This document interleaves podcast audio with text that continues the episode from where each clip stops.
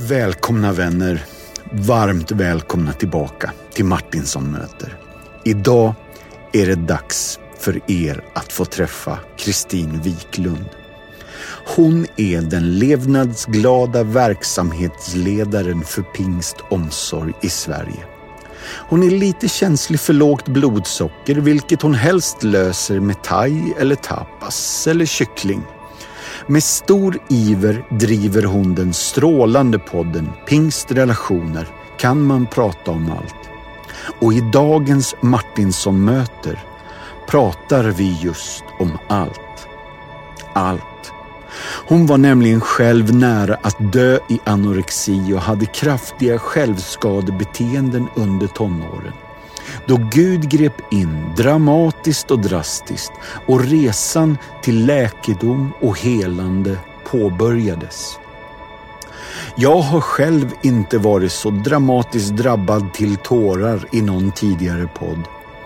Och Kristins livsberättelse drabbar verkligen från hennes hjärta och den går och når till hjärtat. Så jag vill säga grattis till alla er som nu ska få möta Kristin Wiklund. Nu kör vi!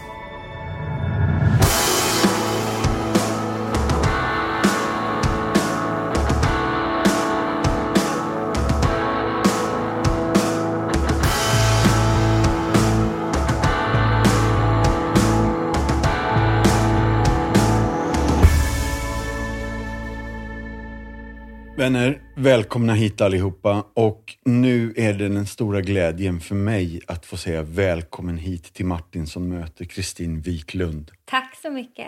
Jättespännande att du är här. Verkligen. Du, vi kommer att ha en god stund framför oss där vi får reda på lite om vem du är och jag börjar med fem snabba, eller fem i alla fall. Mhm. Eh, är du beredd? Jag är beredd. Om du kunde vinna en olympisk medalj för någon sport, en riktig eller en hittepåsport, vilken skulle det vara?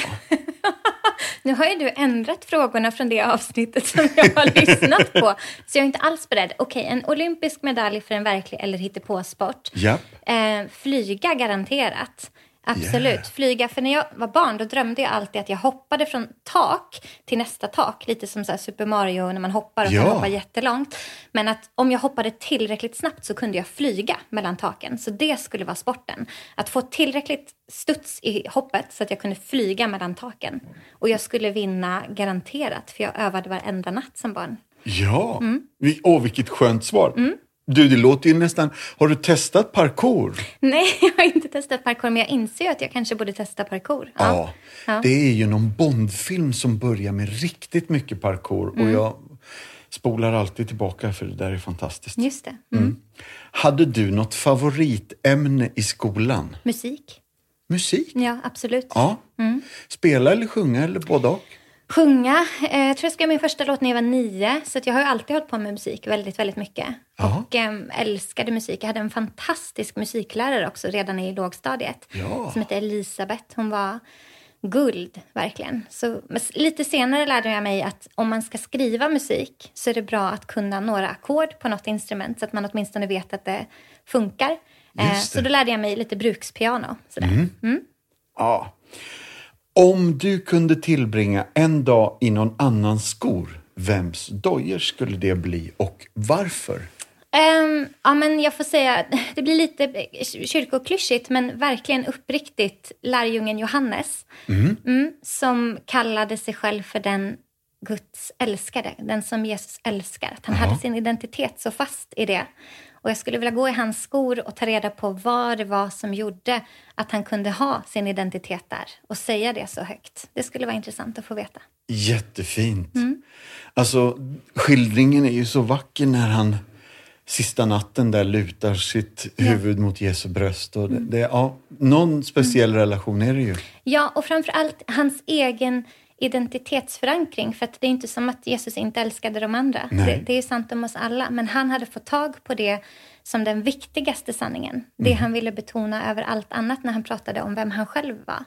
Och så vill jag också leva. Ja. ja, jättefint. Vilka härliga svar.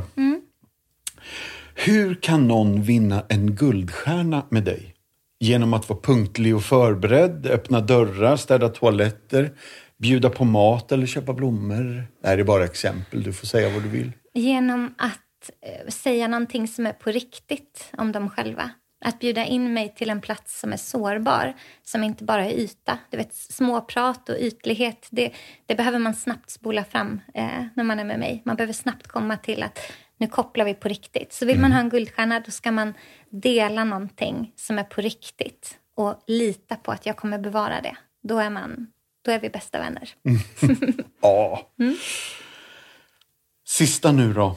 Om du kunde dela en lång trerättersmåltid med fyra individer, nu levande eller döda, vilka skulle du då välja? Åh, bra.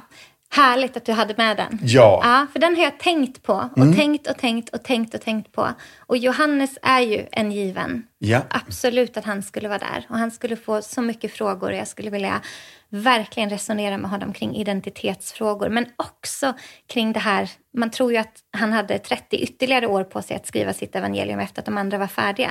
Så han är den som är mest genomreflekterad, inte stressad i det han skriver. Och han börjar evangeliet i den slutsatsen om i begynnelsen. Alltså han börjar i det som egentligen är vad man kanske tror att man landar i när man har gjort hela berättelsen om Jesus. Och, ja, men då vet vi att det här, han som är från början, han har alltid varit och det vet vi nu. Men han börjar där. Och så, ja, jag, jag skulle vilja reflektera teologi med honom och identitet med honom. Och sen så skulle jag absolut vilja ha Louisa May Alcott som är en författare som skrev boken Little Women på svenska Unga kvinnor. Den boken läste jag första gången som 11-åring i någon sån här lättläst version som jag lånade på biblioteket. Och den förändrade mitt liv. Och sen har jag läst den i alla versioner som den finns sen dess, både på svenska och engelska. Och bara totalt älskar den. Jag skulle vilja sitta och resonera med henne kring vad det är att vara kvinna och vad det är att ta sin plats och um, känna att man har rätt till samma plats och utrymme vid bordet som en man. Det skulle vara fantastiskt. Um, och sen skulle jag vilja ha Jason Upton där. Yeah! ja, och tacka honom för musiken och orden och tonerna och um, mm, ja, vissa meningar i hans musik när jag kom till tro som liksom, ja, ganska ung vuxen. Då, hur han totalt hjälpte mig att få tag på det här med barnaskapet i Gud. Så han skulle vara där. Och sen skulle faktiskt jag själv vara där som Ja. 13-åring. Och så skulle jag vilja att jag som 13-åring 13-åring fick sitta där med Johannes och Louisa och Jason och höra resonemanget kring identitet och barnaskap och att vara kvinna och ge henne den grunden. Det skulle vara guld. Men du, åh, det här var ju jättefint. Jag blev alldeles tagen. Ehm, men du, den här Louisa, är, Mm. är, det, är det den boken som också har blivit film Mm, på 80-talet med Julia Roberts och allihopa? Mm, den har ju blivit film vid tre tillfällen. Ah. Den första versionen kom väl, ja, men, vi kan, vågar nog inte säga något årtal, men för väldigt länge sedan. Och den andra versionen som ehm, eh, Kirsten Dunst och ehm, ja, Winona Ryder och eh, Susan Sarandon och ehm, ja, jag minns inte allihopa. Ja, den kom visst. ju någon gång när jag var barn. Ja. Och sen har det kommit en nu, nyligen, för något år sedan bara. En till Aha. tappning. Ja. Mm. Ja, fränt. Du, det här får vi ju slänga upp på hemsidan Ja, så folk jag. får hitta på IMDB. Det tycker jag. Jättespännande.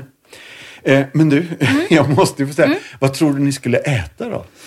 Ehm, vi skulle äta, nej men vi skulle garanterat äta plockmat. En stor, Ett stort bord med massor av smårätter. Allt ifrån dumplings till något gott grillat med dippsåser, goda sallader och små um, quesadillas med dipp. Alltså plockmat är det Ja. bästa som finns. Ja. Äta med händerna och bli riktigt kladdig.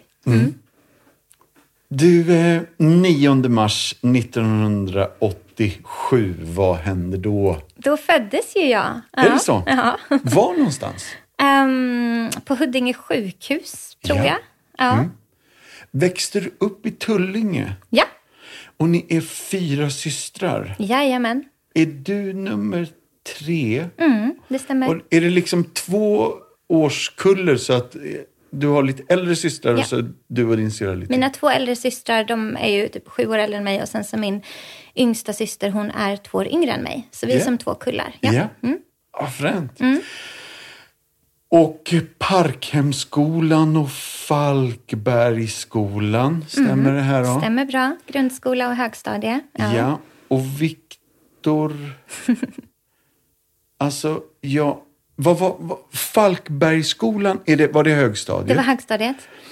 För då tror jag att jag skulle vilja säga Luna Storm. det kan du gärna få göra. Ja. ja. absolut. Det var där vi träffades. Så är det va? Ja. Mm. Men det är ju, alltså, och det var på högstadiet, så det var ju rätt tidigt eller? Ja, alltså precis. Det var ju på högstadiet vi träffades på Lunarstorm. Men då var ju jag två år yngre än Viktor. Ja. Och absolut inte cool. Okej. Okay. Nej, så att jag blev ju väldigt dissad i början kan man säga. När jag i sjuan hör av mig till honom och han går i nian. Men lite senare så gick det bra. Åh, oh, vad fränt. Du, jag tror att du måste berätta för några vad Lunarstorm är. Ja, men man kan säga att när, när jag växte upp så fanns det ju också sociala medier, även om det var 87 jag föddes. Och då fanns det en som var lite mindre cool och det var ju Lunarstorm.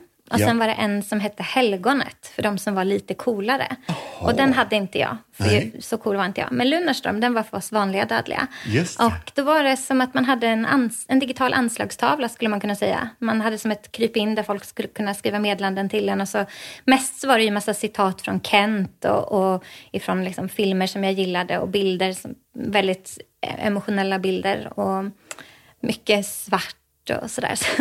det var mest någon slags moodboard skulle jag säga. Ja. ja. och så kunde man skriva lite meddelanden till varandra och sådär. Och dagboksinlägg kunde man skriva med vad man tänkte och kände. Det här är jättefränt. Som man sen fick spendera mycket tid att försöka radera när man insåg att det här vill jag ju inte ha kvar.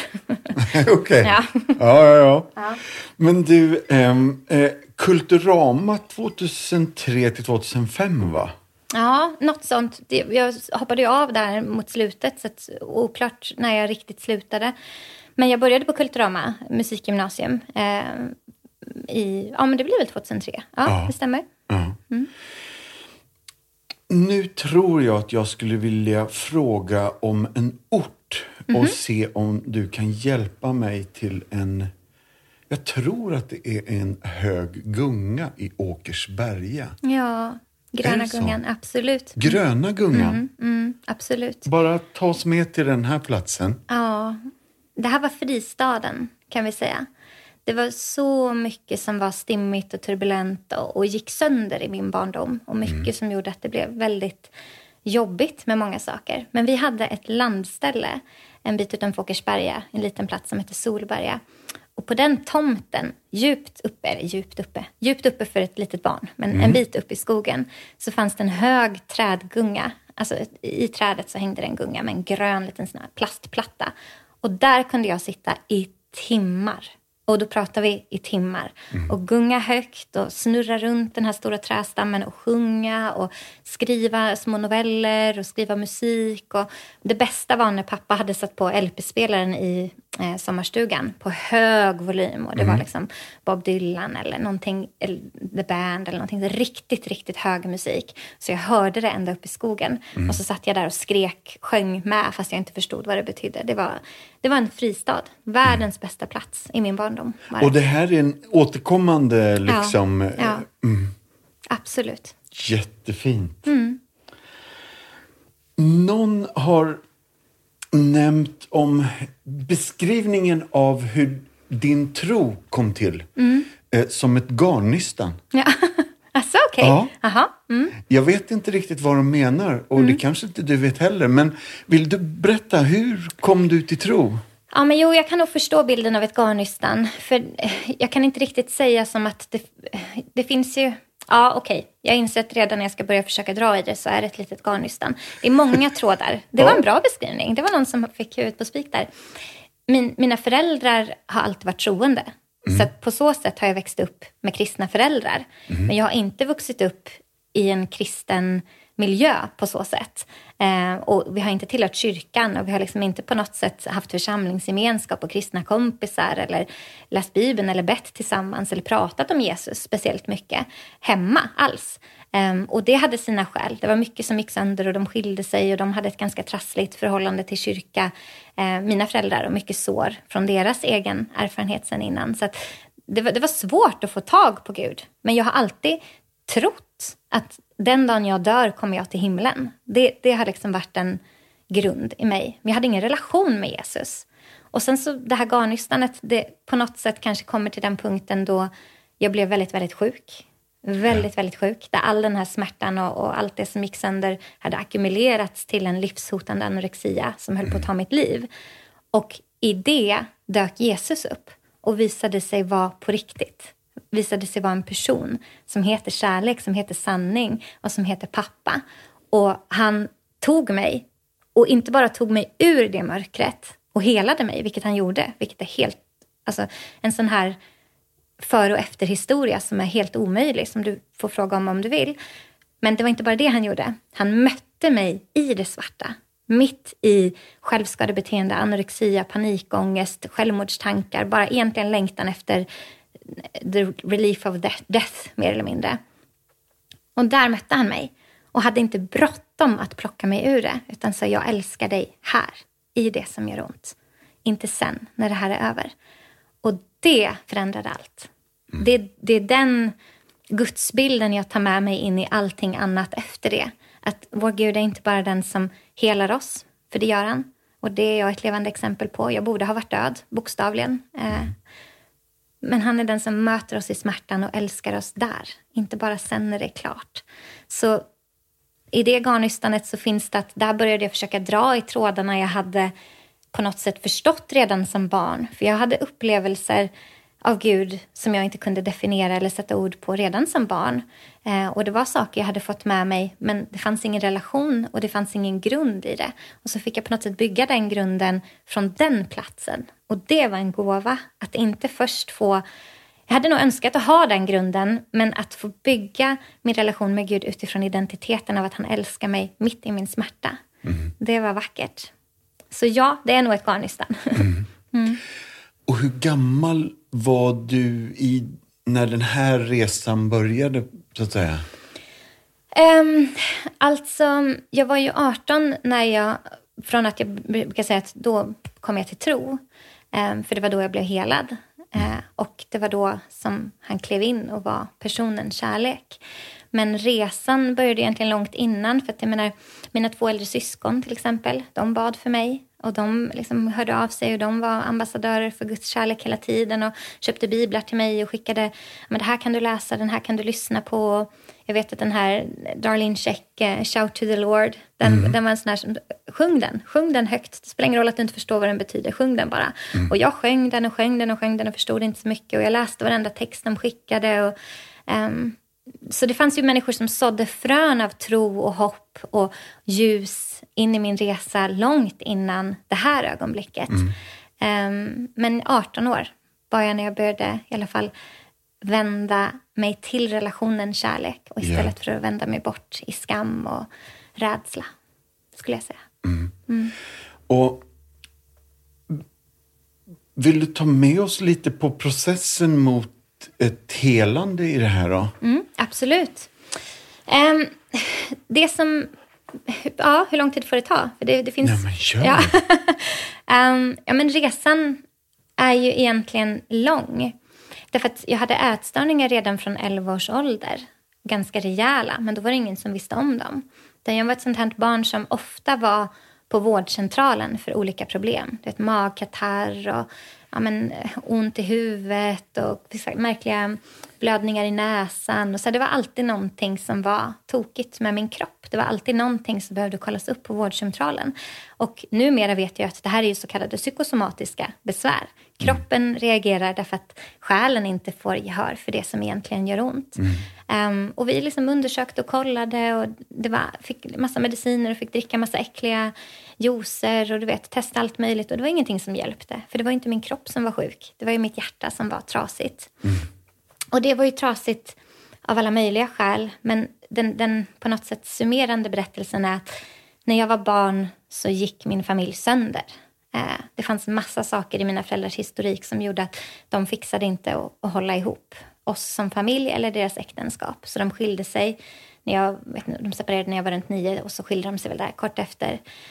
Och det var jätte, jätte turbulent och en mm. riktig livskris. Eh, och min mamma fick cancer sen några år senare eh, och höll på att dö. Och det var jättetraumatiskt och jag såg henne väldigt, väldigt sjuk och fick ringa ambulansen. Var liksom, jag och min syster var själva hemma, små, små barn och så fick yeah. hon någon riktig feberattack och sådär. Levde liksom med medvetenheten om död väldigt mycket. Och rädslan för död väldigt mycket. Um, och så fanns det många andra pusselbitar som, som också gjorde att det var väldigt, väldigt trasigt och det gick sönder. Och mm.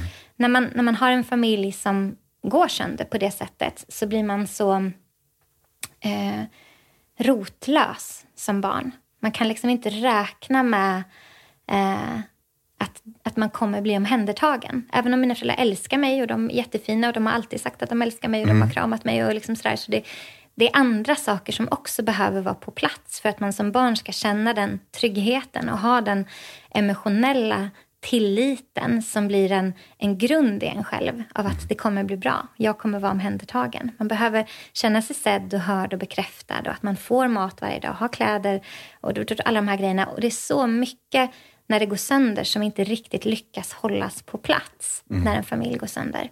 Och så var det för oss. Det skakade liksom rejält. Um, och jag var ensam väldigt mycket. Liksom, och, och, ja, men det, var, det var stimmigt. Och det här som blev så rotlöst och otryggt i mig behövde ju ta vägen någonstans. Uh, och jag lyckades då hitta det här fantastiska verktyget att kunna ha kontroll med hjälp av mat. Mm. Att på det sättet skulle jag liksom kunna kontrollera allt det här som inte går att kontrollera. Jag kunde inte påverka omständigheterna, jag kunde inte få mina föräldrar att bli ihop igen, jag kunde inte få mamma att bli frisk från cancern. Jag kunde inte få det att kännas bra i skolan med kompisarna. Jag kunde inte kontrollera något av det där. Men jag kunde kontrollera vad jag själv stoppade i mig. Så det blev som ett sätt att hantera ledsenhet, skulle jag säga. Och det gjorde jag ju i smyg, totalt. Det var ingen som visste det. Mm. Um, Ja, och sen så kom det såna här spännande destruktiva tonår med alldeles för mycket alkohol och massa sätt att försöka dämpa och döva smärta och ångest.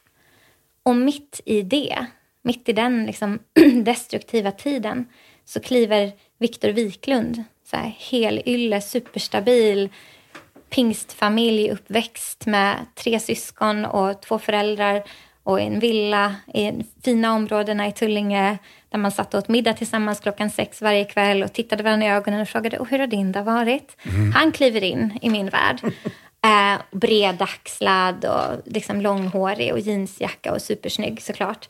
Så jag höll ju på och eh, liksom blev ju jättekär i honom men jag också höll på att, att gå sönder inombords för jag tyckte ju inte att jag förtjänade att vara ihop med honom. För min självkänsla och mitt, mitt, min känsla av identitet och värde var så skadat och trasat av allt det här som liksom, um, gick sönder. Um, så jag hade konstant en konflikt i mig under början där när vi var ihop. Att å ena sidan jättekär i honom och wow, och det här är biljetten till någonting helare. Liksom.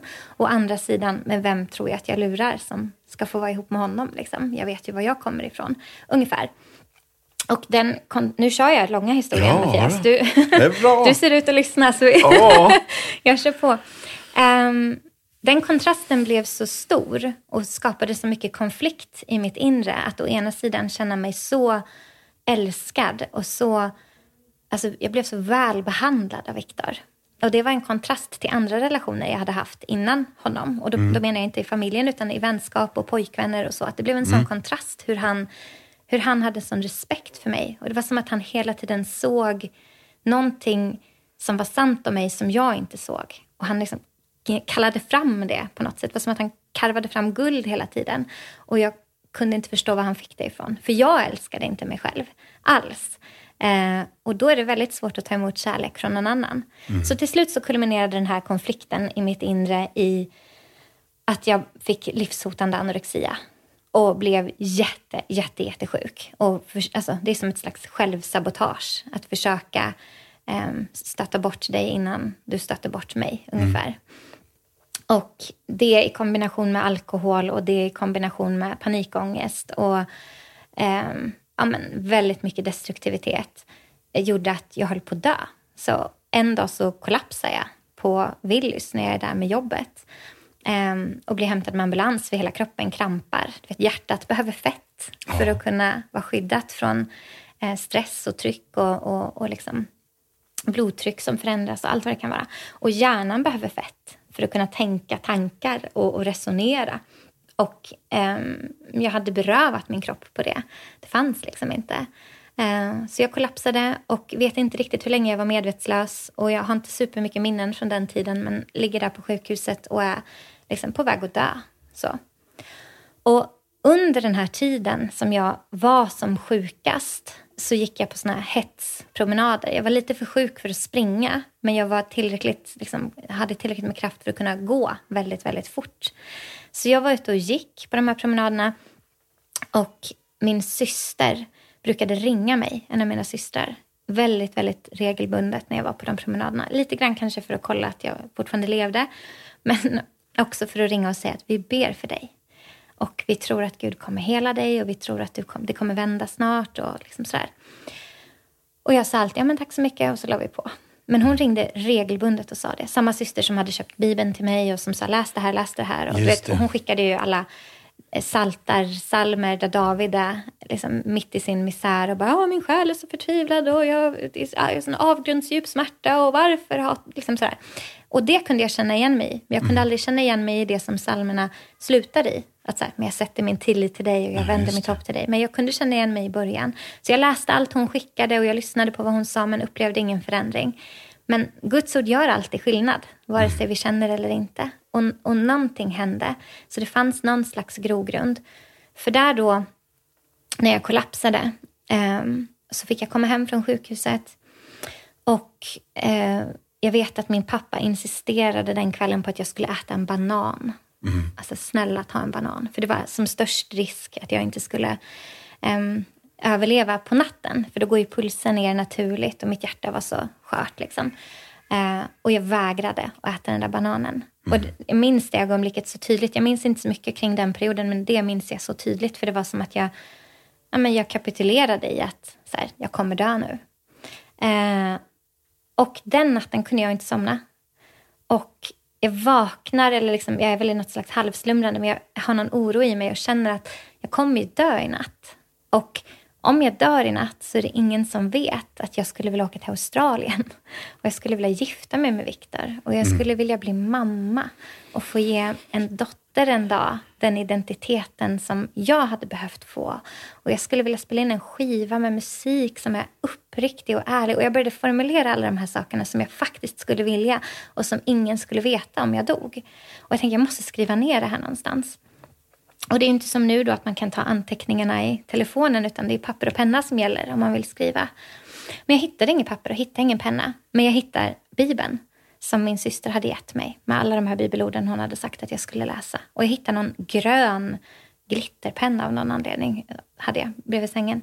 Så jag bläddrar och bläddrar och bläddrar i den här bibeln och försöker hitta någonstans där det finns lite tomt och inte bara en massa text, för det är så mycket text i bibeln. Mm. Och då i Bibel 2000s översättning så fanns det en lång passage där det bara var vitt i Jakobsbrevets slut. Så där tänkte jag, perfekt, här får jag skriva ner det här. Så jag skriver ner, jag skulle vilja det, jag skulle vilja det. Och så, så avslutar jag den med, om det finns någonting i mig som är värt att rädda, då är jag din. Och min första liksom uppriktiga bön. Och så stänger jag den här Bibeln och somnar och vaknar dagen därpå och känner ingen som helst skillnad. Ingenting är annorlunda, vad jag vet. Och vi hade sökt, jag kollapsade i mars och vi hade sökt till en ätstörningsklinik. Viktor hade mer eller mindre ställt ett ultimatum att han kan inte vara ihop med någon som håller på att ha ihjäl sig själv. Så att jag måste söka hjälp. Och då hade vi sökt till en klinik men de hade nekat mig för jag var inte tillräckligt sjuk tyckte de. Jag hade fick tidigast komma in till efter sommaren. Eh, och det var en sån här riktig, riktigt, riktigt låg punkt när de sa det. Jag hade inte ens lyckats att bli tillräckligt sjuk. Liksom. Mm. Uh, men så vi skulle gå ut dagen på, då, på den här promenaden. Och så ringer telefonen, som den alltid gjorde. Och det var min syster, som det alltid var. Men den här gången så sa hon någonting annat. Nu sa hon inte vi ber för dig och vi tror att det kommer bli bra, utan nu sa hon nu. Nu har Gud svarat på bön och nu ska du få bli frisk. Och eftersom jag är väldigt mycket av eller på, allt eller inget, man får mm. hela kakan eller ingen kaka alls, liksom, eh, så kände jag okej, okay, Gud är på riktigt. Jag bad den här bönen, jag skrev den här texten. Jag sa, du får, om du ser någonting som är värt att, att hela och liksom värt att rädda så är jag din. Så han kommer dyka upp nu. Så jag börjar leta bland tallarna, för jag uppriktigt tänker mig att Jesus i egen hög person kommer dyka upp. Och det är lika rimligt för mig att han ska göra det som att jag ska bli frisk, för det var så orimligt. Så jag letar och letar och letar och tittar bland tallarna och ser ingen Jesus. Men sen ringer telefonen igen. Och då svarar jag, Kristin. Är det här Kristin? Säger en skakig röst på andra sidan. Ja, det är Kristin. Ja, du ska få bli frisk nu. Aha, okej. Okay. Ja, det här är överläkaren. Och så presenterar han sig. Att överläkaren på det, den kliniken vi hade sökt till som hade nekat mig ringer nu upp i egen hög person och säger kan du komma imorgon? Och jag på något sätt hade ju bara död på agendan så jag var så här, ja nej men jag har tid, jag kan, mm. jag kan komma. Och när vi hade lagt på så kände jag igen, nu kommer Jesus. Och jag fortsätter liksom spana och titta där bland tallarna och tänker, nu kommer han ju, för jag känner, nu skiftar det. Och jag bar med mig den känslan in på kliniken och kommer fram och presenterar mig. Och hon säger, ja är det du som är Kristin? Ja, han vill träffa dig. Och så får jag komma upp på mm. överläkarens kontor och han, och jag ville bara se dig. Det, det är du som är Kristin alltså. Och jag vet fortfarande än idag inte varför. Men jag inbillar mig att han och Gud hade ett samtal om mig. Mm. För det är väldigt personligt med vår Gud. Um, så han visar mig runt och de tar alla testerna och alla testerna är katastrof. Och de säger att även om du börjar äta nu så kommer det ta år innan dina värden är återställda för du har totalt förstört din kropp. Och jag hör vad de säger och tänker antingen är det så eller så kommer Jesus nu. Och så går vi till matsalen och de ska visa mig runt och vad man, vad man får äta och vad man inte får äta. Liksom man ska börja milt med gröt och filmjölk och allt det här. Och jag hör vad de säger och tänker antingen så gäller det eller så kommer Jesus nu.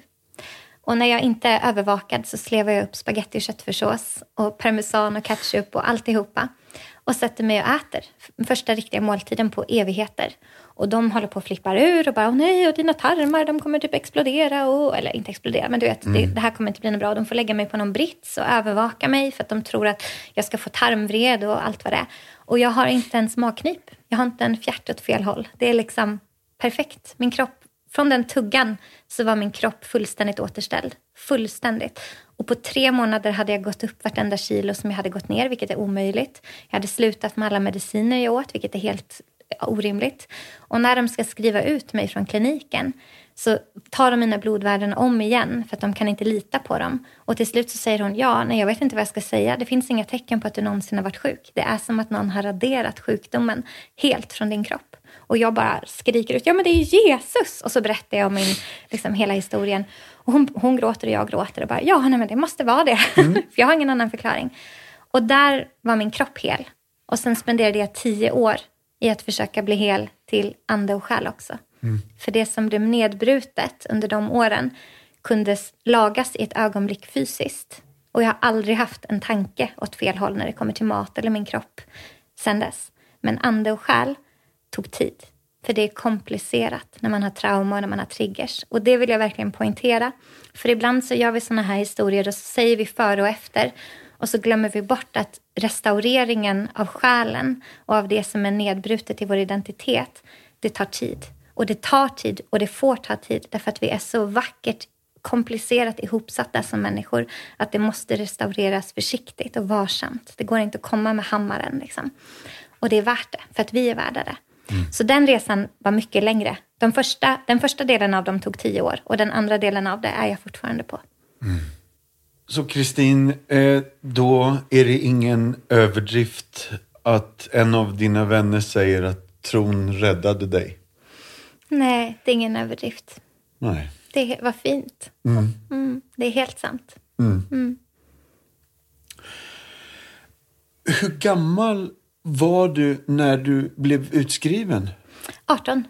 18? Mm. Jag var ja. bara där i tre månader. Ja. Jag behövde bara gå på dagverksamheten för de såg ju att jag började äta direkt. Så det var liksom, det var, de, vet vid något tillfälle så skojade de när vi hade sista lunchgruppen, när vi träffades för sista gången, så sa de att ja, nej men Kristin, jag vet inte vad du har gjort här, för du har ju ätit ända sedan start. För det var verkligen den första tuggan, sen var det inga problem.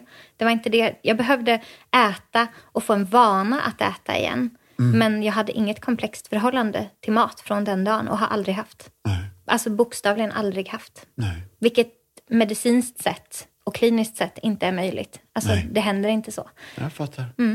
Så det är väldigt coolt. Mycket, Mm. mycket. Och eh, regelbundet eh, så säger jag till mina gäster i podden tack för att du delar. Eh, Mm. eh, och eh, den här gången me- menar jag det. och det gjorde jag de andra gångerna också. Mm. Ja. Men tack för att du delar. Tack.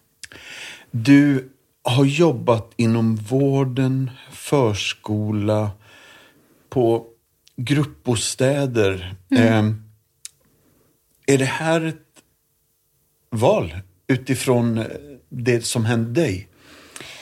Ehm, ja, alltså jag tror att när man har sett så mycket sjukdom och utsatthet och när man själv har varit så utsatt och så sjuk ehm, så har man ett val att antingen vilja distansera sig från det helt och göra någonting helt annat. Eller att omfamna att det kanske finns en kallelse åt det hållet. Ja. Ehm, och för mig var det det senare. Eh, jag har svårt att samla mig. Men det är Eh. bra, det är okej. Det tycker jag är fint.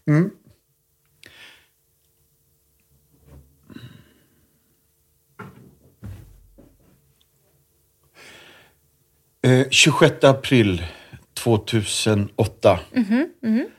Mycket Berätta bra lite. Då gifte vi oss, jag och Viktor. Äntligen. Japp. Efter, um, då hade vi varit tillsammans i eh, fem år ungefär. Och um, förlovade i kanske då ett och ett halvt drygt, något sånt. Ehm, så det var, vi, oj vad vi längtade. Men då gifte vi oss på Ja. Ekerö. På Ekerö? Vad fränt. Mm, jag ville gifta mig i en vit stenkyrka och jag ville gifta mig, ha festen vid vattnet. Och jag fick bägge. Ja. ja. Väldigt fin kyrka. Otroligt fin, ja Otroligt verkligen. vacker. Två barn har ni, David och Nomi. Yes. David kom 2012 och Nomi 2013. Yes, så var det. Eh, du jobbar på Omsorgshuset 2016 till 18 som enhetschef. Men 2018 händer en för mig viktig och spännande förändring och det är PFS. PFFS. Ja, det, det är en bra förkortning där. Ja. Precis. Ja, hur kom det sig egentligen? Det var ju en... Eh, ja, jag trodde väl aldrig i min vildaste fantasi att jag skulle få jobba för pingstsamfundet. Jag tror att jag hade diskvalificerat mig själv helt från alla typer av jobb inom kyrka. Eh, och även fast jag egentligen alltid har vetat att jag har en pastorskallelse.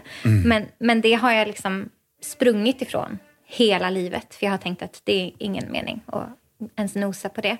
Det är första gången jag säger det offentligt just nu. Är det så? Ja, så jag övar på att säga det på riktigt. För att det är liksom, ja, det är svårt. Men så ja, Pingst tyckte att de skulle göra en supergamble och ta in någon som inte hade liksom en känd förälder eller någon sådär. Nej, det är inte så. Men jag menar, de visste inte vem jag var överhuvudtaget. Men eh, jag fick ändå vara med. Och berätta, jag tror att din... Eh, eh, du är verksamhetsledare inom Pingst Omsorg. Ja. Berätta vad det är och Ja. vad det innebär. Precis. Eh, jag är verksamhetsansvarig för Pingstomsorg och det är alltså ett verksamhetsområde som jobbar med psykisk ohälsa, Ja. våld i nära relationer, funktionsnedsättningsområdet, själavårdsnätverk, relationer som i äktenskap och familj och sådana saker, trygg församlingsgemenskap, alltså att förebygga och hantera övergrepp om det sker i församlingskontext. Um, ja, det var, ja, det var ungefär de områdena. Ja. Och jag brukar summera det i att jag, mitt jobb är att stötta församlingarna, våra 440 fria pingstförsamlingar, med deras eget arbete med de här frågorna. Ja. Genom material och resurser och nätverk och kompetenshöjning och föreläsningar och ja, vad det nu kan vara. Mm. Så jag har fullt upp. Ja, det var det jag tänkte komma till. Det är ju inga små områden det här. Nej, Nej. inte.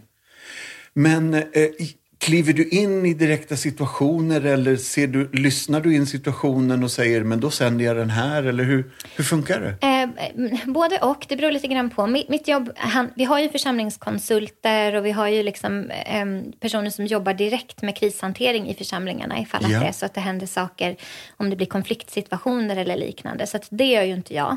Utan mitt jobb är mer att, hur ska vi säga, hjälpa församlingarnas anställda och volontära ledare att jobba med frågorna på ett förebyggande sätt och på ett um, in, alltså, kan vi inte, om vi inte har kompetens på ett område, då blir vi livrädda när någon har ett problem på ett område. Ifall att någon säger att jag, jag skär mig, liksom.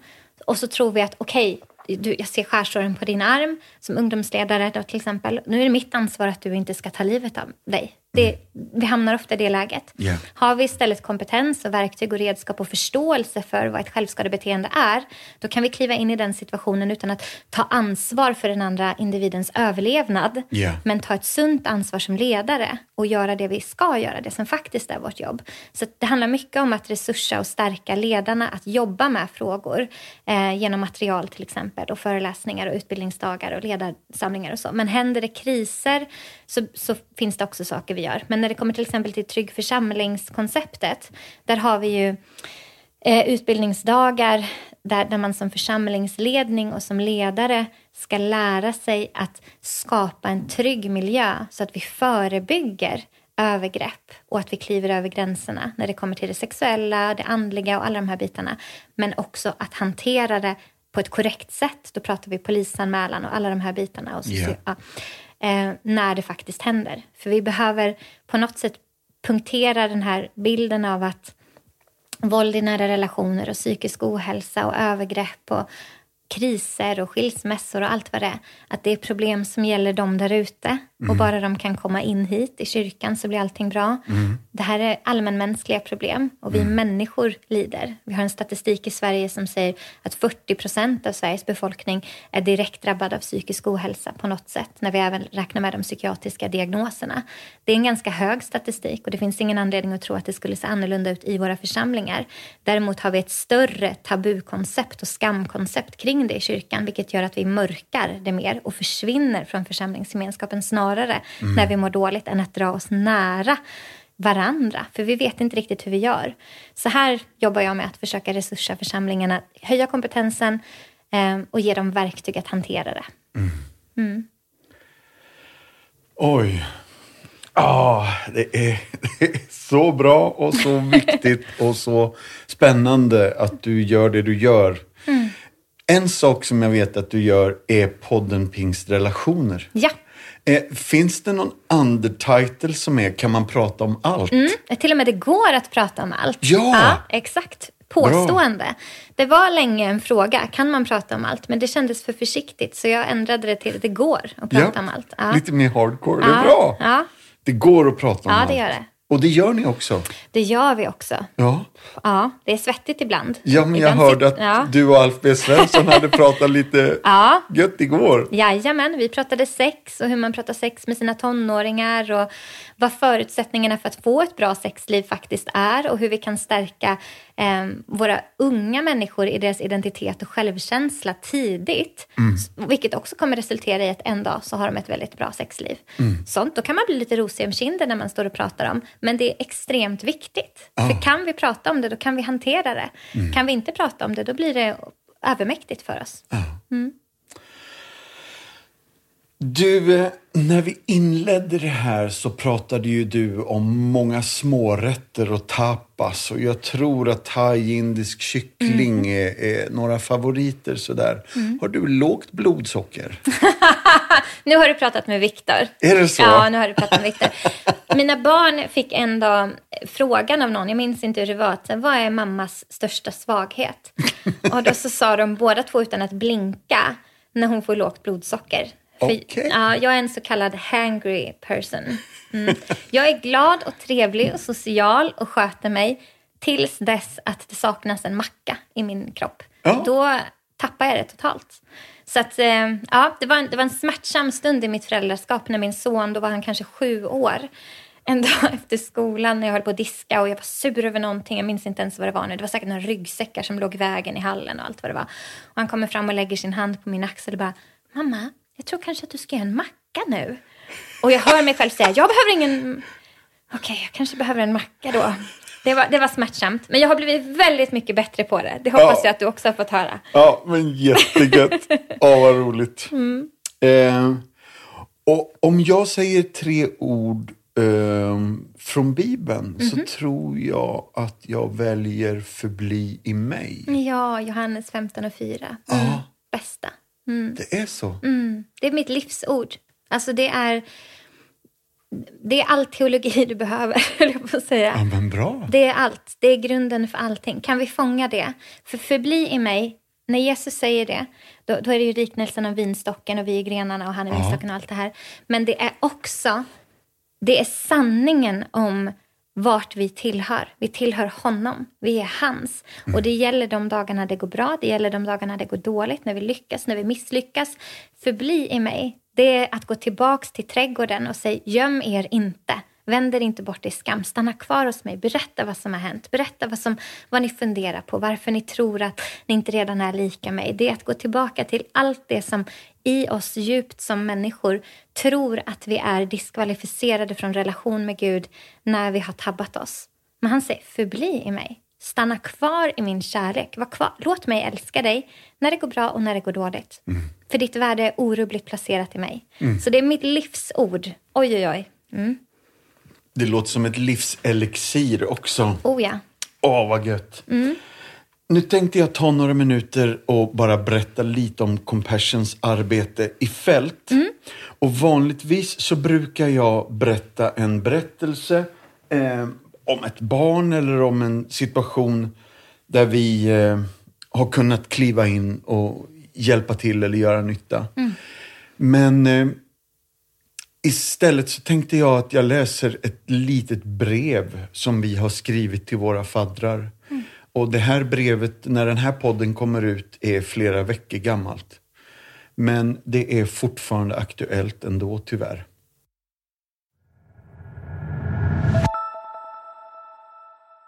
Kära faddrar.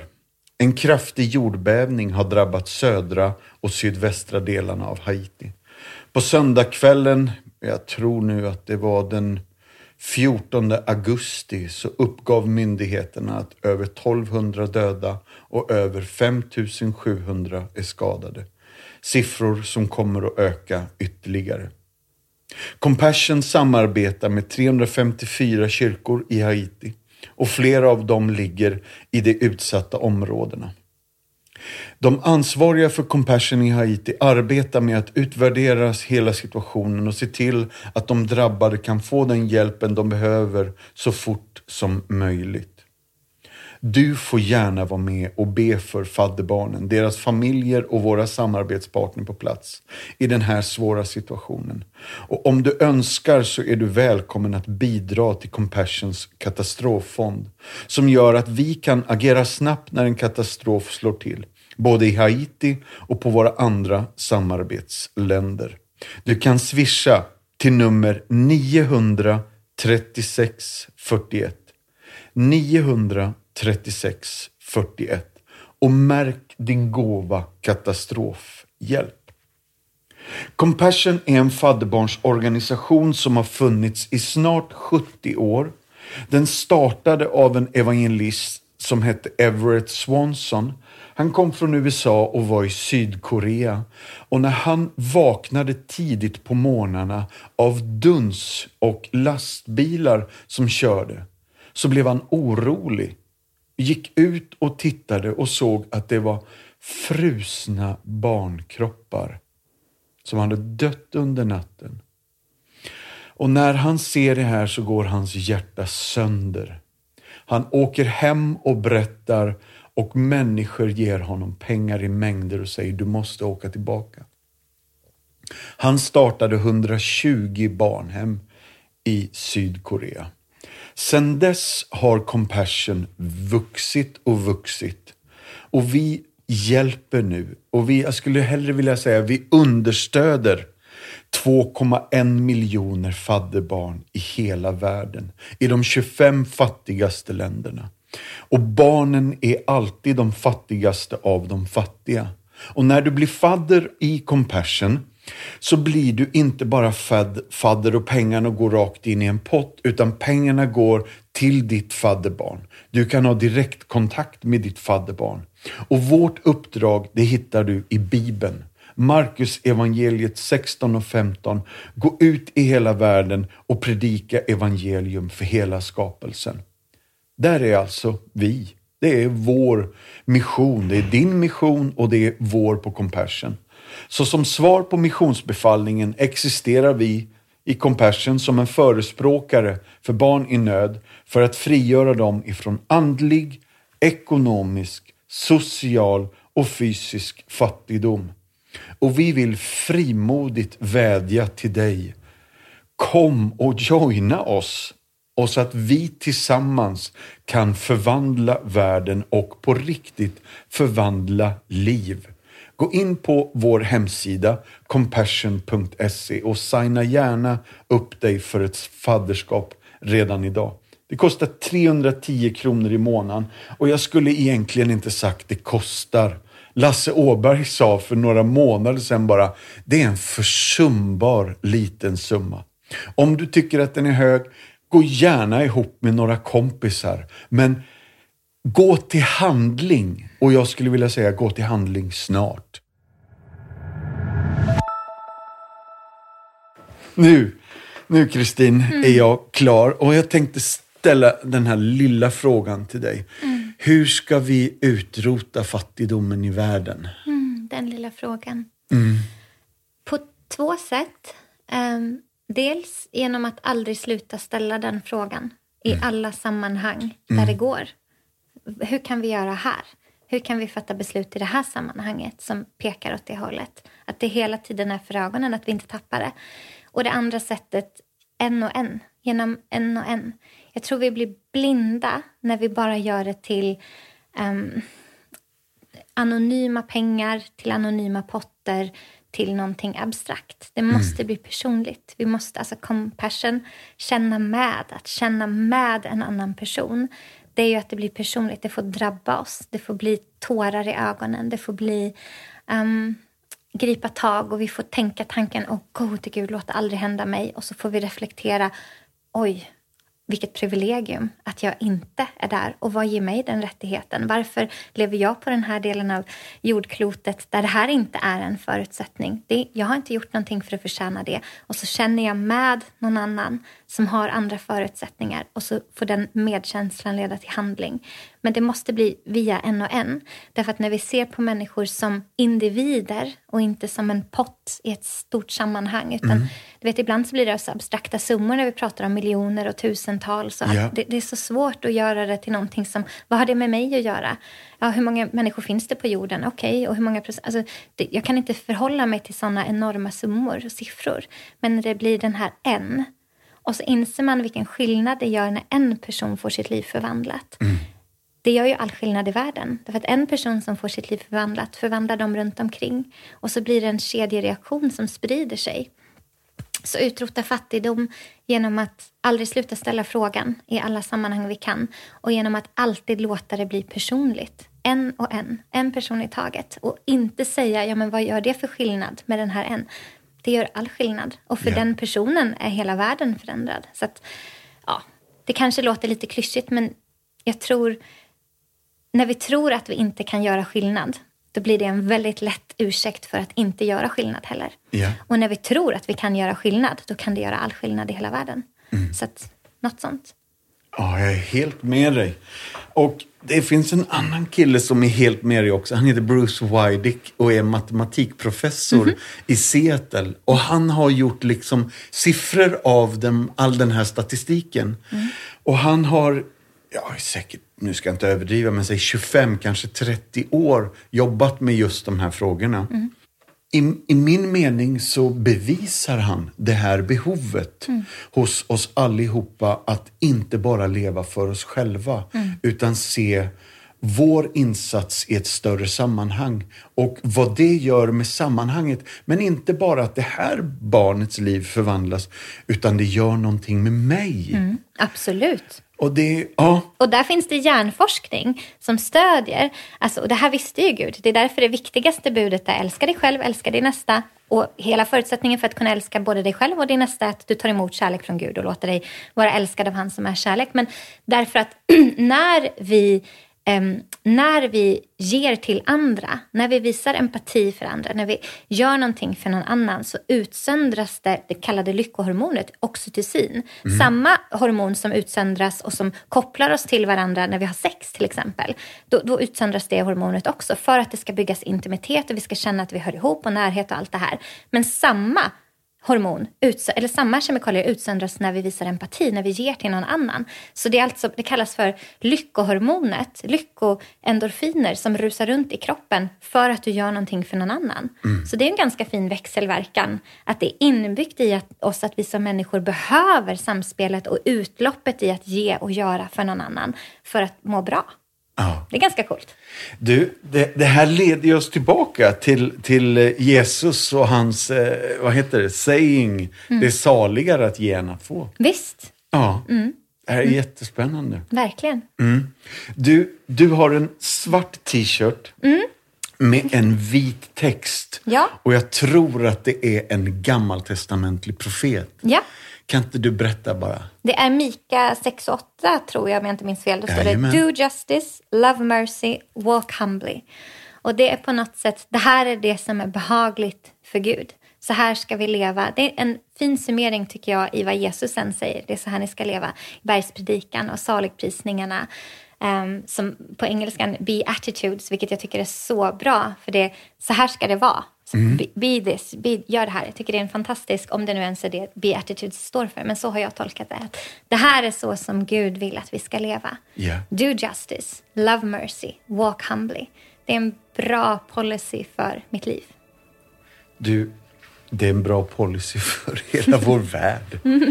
Ja, mm. jättefint. Kristin, jag tror att eh, vi går ner för landning här. Jag vill säga tack på jättemånga plan. Eh, dels så vill jag säga tack för idag. Mm. Men sen vill jag också säga tack för att du gör det du gör. Och tack för att du är den du är. Och att du delar det du har varit med om. Mm. För det finns ju en autenticitet och en verklighet som drabbar när man möter dig. Mm. Och det är så viktigt att det liksom inte bara är en statisk siffra och ring det här numret och lycka till. Utan stort tack för din gåva och din person. Ja, men tack. Ja. Mm. Eh, lyssna in podden. Säg vad den hette nu igen. Då. Pingstrelationer. Pingstrelationer. Mm. Tusen tack för idag Kristin. Tack Mattias. Slut för idag och tack för idag allihopa. Vill du veta mer om det som har pratats om i podden så har vi något på vår hemsida som heter Show Notes.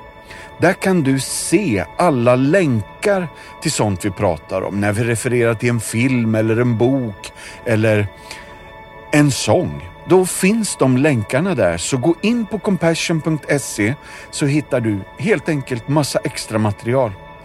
Tack, ha det bra, bye bye, hej då!